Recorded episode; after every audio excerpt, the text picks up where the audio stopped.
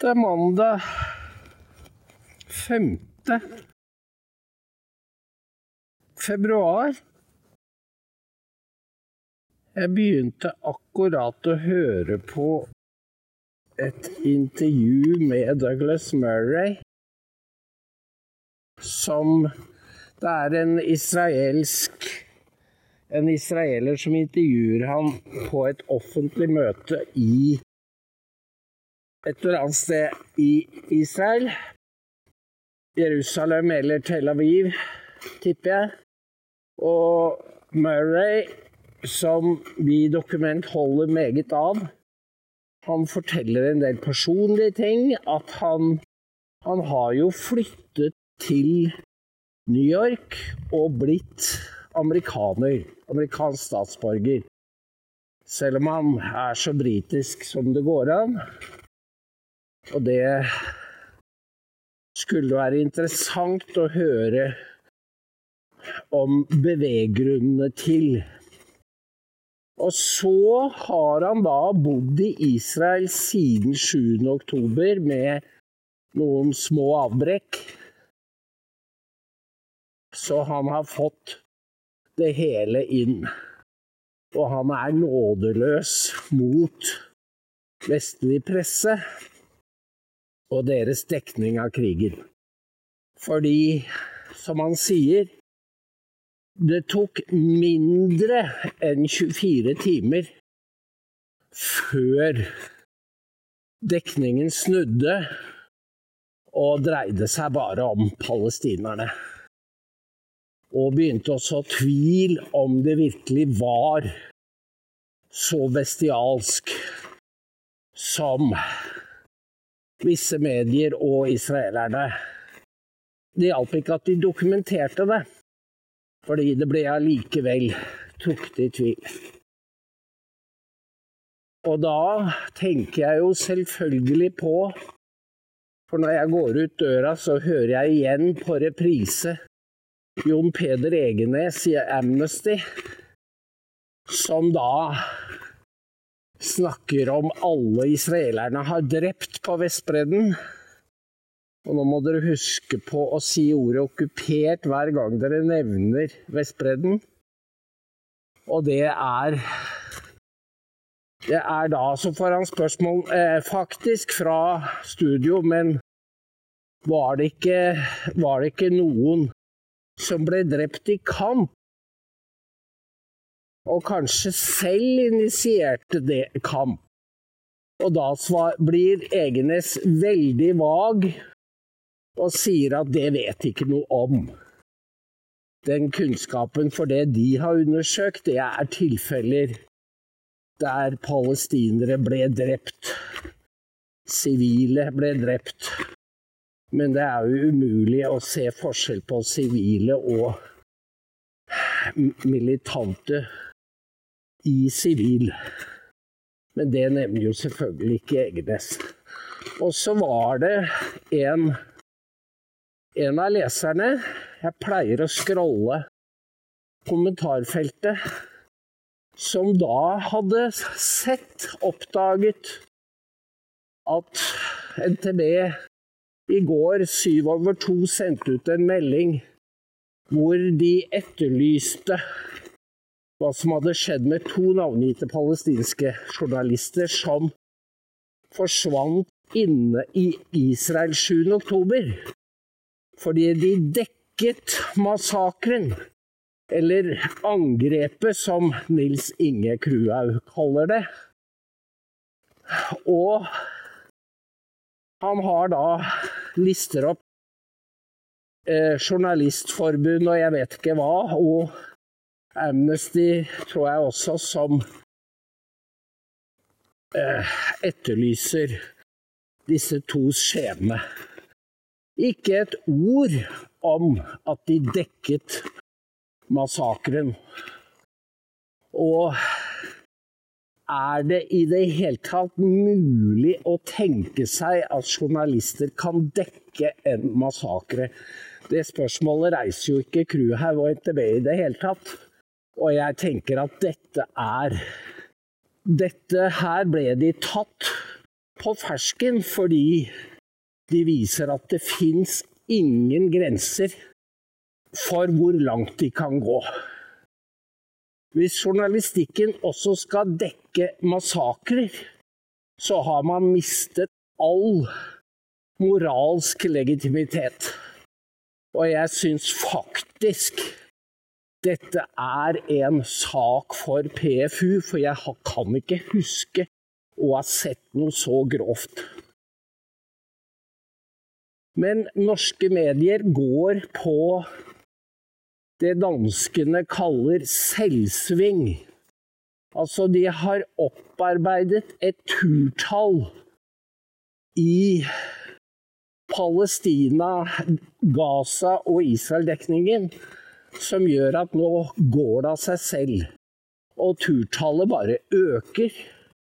Og i går i Søndagsrevyen så åpnet det jo med en forferdelig historie om en jentunge som var født Jeg tror det var bare åtte måneder. Altså, hun var født for tidlig, for moren ble drept. Og spørsmålet var Hun hadde ingen pårørende. Hvem skulle ta seg av henne?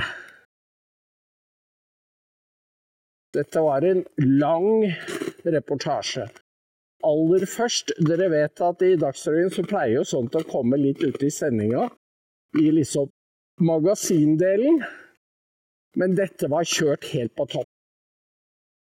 Og det var en hamring da på seernes følelsesliv, hvor ingen forblir uberørt. Og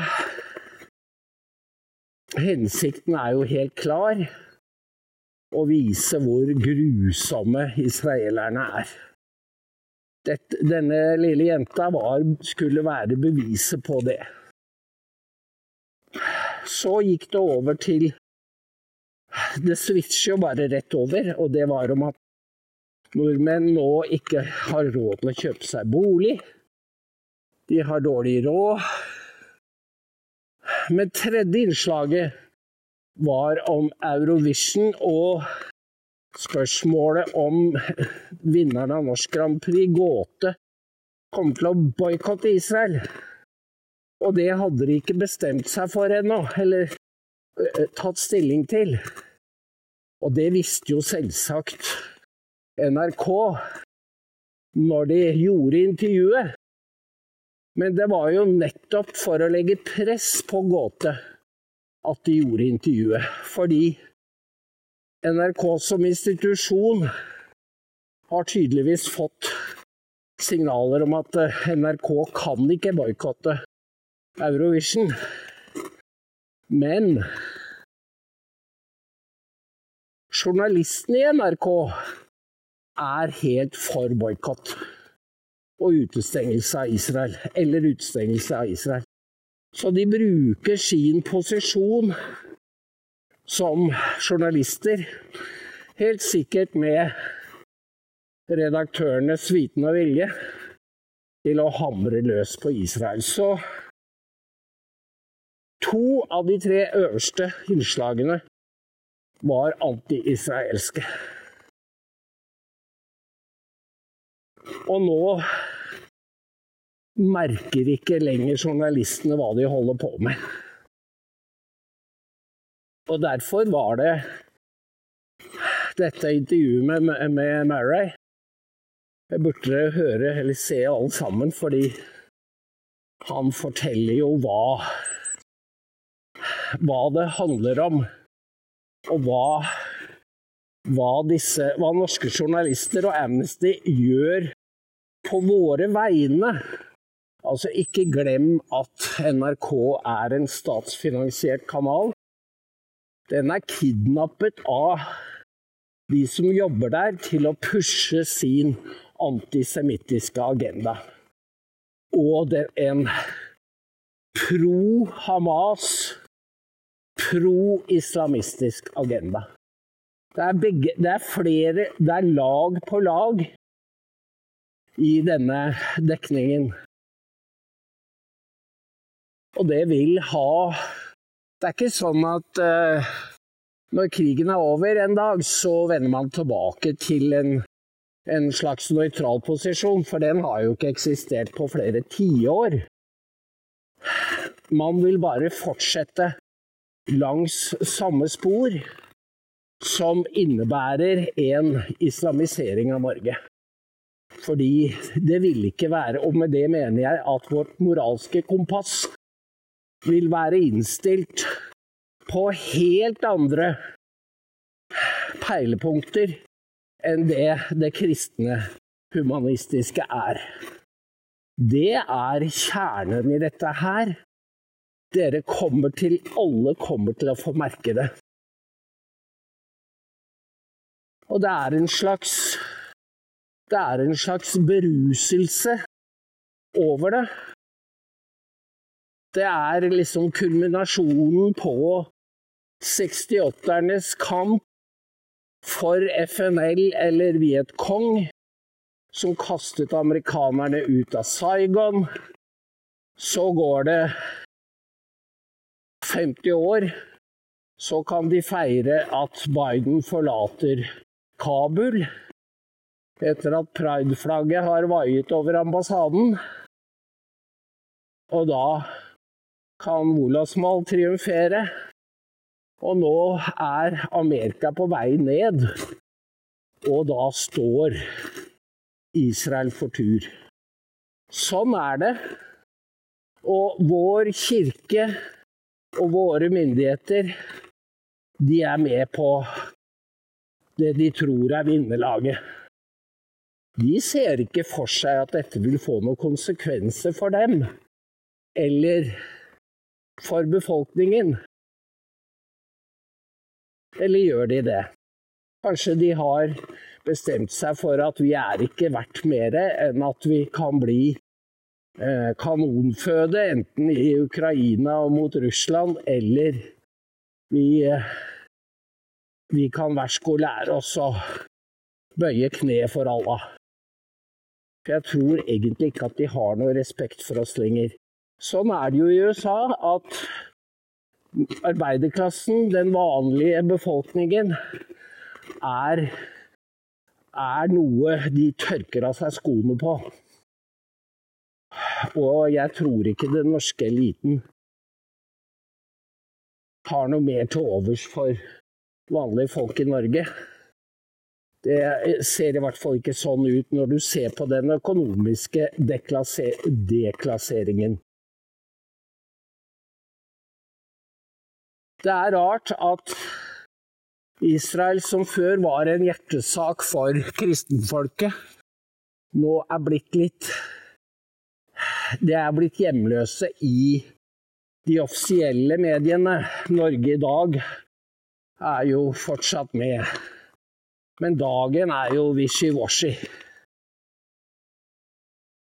Sånn at uh, de konservative kristne, de har ikke De har ikke den støtten, de har ikke den forankringen i opinionen som de en gang hadde. De blir forsøkt marginalisert. Og det må folk forstå at det er, det er de som blir utstøtt. De fører en krig mot Israel, men i virkeligheten er det en krig mot, også mot kristendommen og kristenfolket. Og dette er åndskamp det er en eh, besettelse de har, lider av. Og den er Den er meget farlig. Ikke bare for jøder, men for alle som er balanserte, sindige mennesker som ønsker å leve i et fordragelig samfunn. For det blir ikke der islam turer frem. Jeg hørte nettopp det var noen som hadde vært i det sørlige London og hadde sendt en melding om at du må aldri besøke dette området fordi det er, for, det er tapt. Det er forferdelig. Og aldri la barna reise inn i det. Dette er London, som for ikke mange tiår siden var altså hovedstaden på de britiske øyer. Og nå er det hovedstaden i det Melanie Phillips kalte London. Londonistan. Altså, det har, har løsrevet seg fra England og vil faktisk føre sin egen utenrikspolitikk og slutte seg til EU igjen. På samme måten som et uh, Nord-Irland under sin fein også ønsker ikke bare forening med, sør, med Irland, men også innmeldelse i EU. Så her ser du hvordan EU fragmenterer da et land som har brukt sin demokratiske rett til å forlate unionen. Det, det reverserer de ved den, disse spekkhoggermetodene. Det var, er én ting med Murray, fordi han blir spurt om Han blir spurt om eh, hvorfor han er så opptatt av Israel. Og da gir han jo for så vidt greie svar, nemlig at, han, at det er et fantastisk land, at han møter mange flotte mennesker, at de har skapt noe på tross av alle odds mot seg. Men han nevner jo ikke det som for mange er det viktigste, nemlig jødenes rolle i verdenshistorien som Guds utvalgte folk. Og jeg syns det er Det er ingen bebreidelse i og for seg, for hvis du ikke har den følelsen, så har du den ikke. Du kan ikke du kan ikke tvinge folk til å ha den åndelige strengen, men jeg syns det er veldig rart at han som opplyst og kunnskapsrik ikke kjenner på det den dype åren som går gjennom vår kultur, som har med Bibelen og det jødiske folks historie å gjøre det er jo den som klinger med i i vår dype forbundethet med jødene. Og det tror jeg gjelder veldig mange, selv i dag i Norge og i Skandinavia. Så det står jo 'du skal ikke være redd'. Nei, vi skal ikke være redd fordi vi har en, en stor faderhånd som beskytter oss. Men da må vi søke oss inn under den. For det, den kommer ikke av seg selv. Det må gå begge veier, som vi var inne på i går. Ja, men med Norge så går det også dårlig. Og jeg tenker at eh, vi har jo noe som heter Document News. Nå er det litt mer gang i både den danske og svenske siden. Men dette med Amnesty og crew her er så alvorlig at jeg tenker at dette må jo også den engelsktalende verden eh, vite om. At sosialdemokratiet i sin svanesang blir antisemittisk. For det er det det handler om. Og det er jo selve åtselideologien til nazistene som islamistene har overtatt, og som nå 68-generasjonen har gjort til sin. Det er dødsrallingen, altså. Jeg tror ikke det. Jeg tror, er optimist. Jeg tror det er så ekstremt at de vil gå nedenom på det.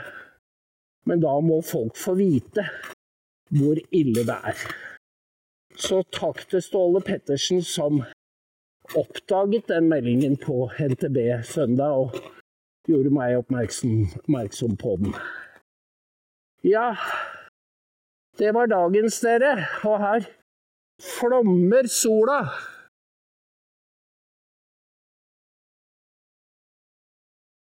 Så eh, gled dere. Gled dere over lyset som flommer inn. Det er VIPS 13629. Og så ses vi. Takk for nå.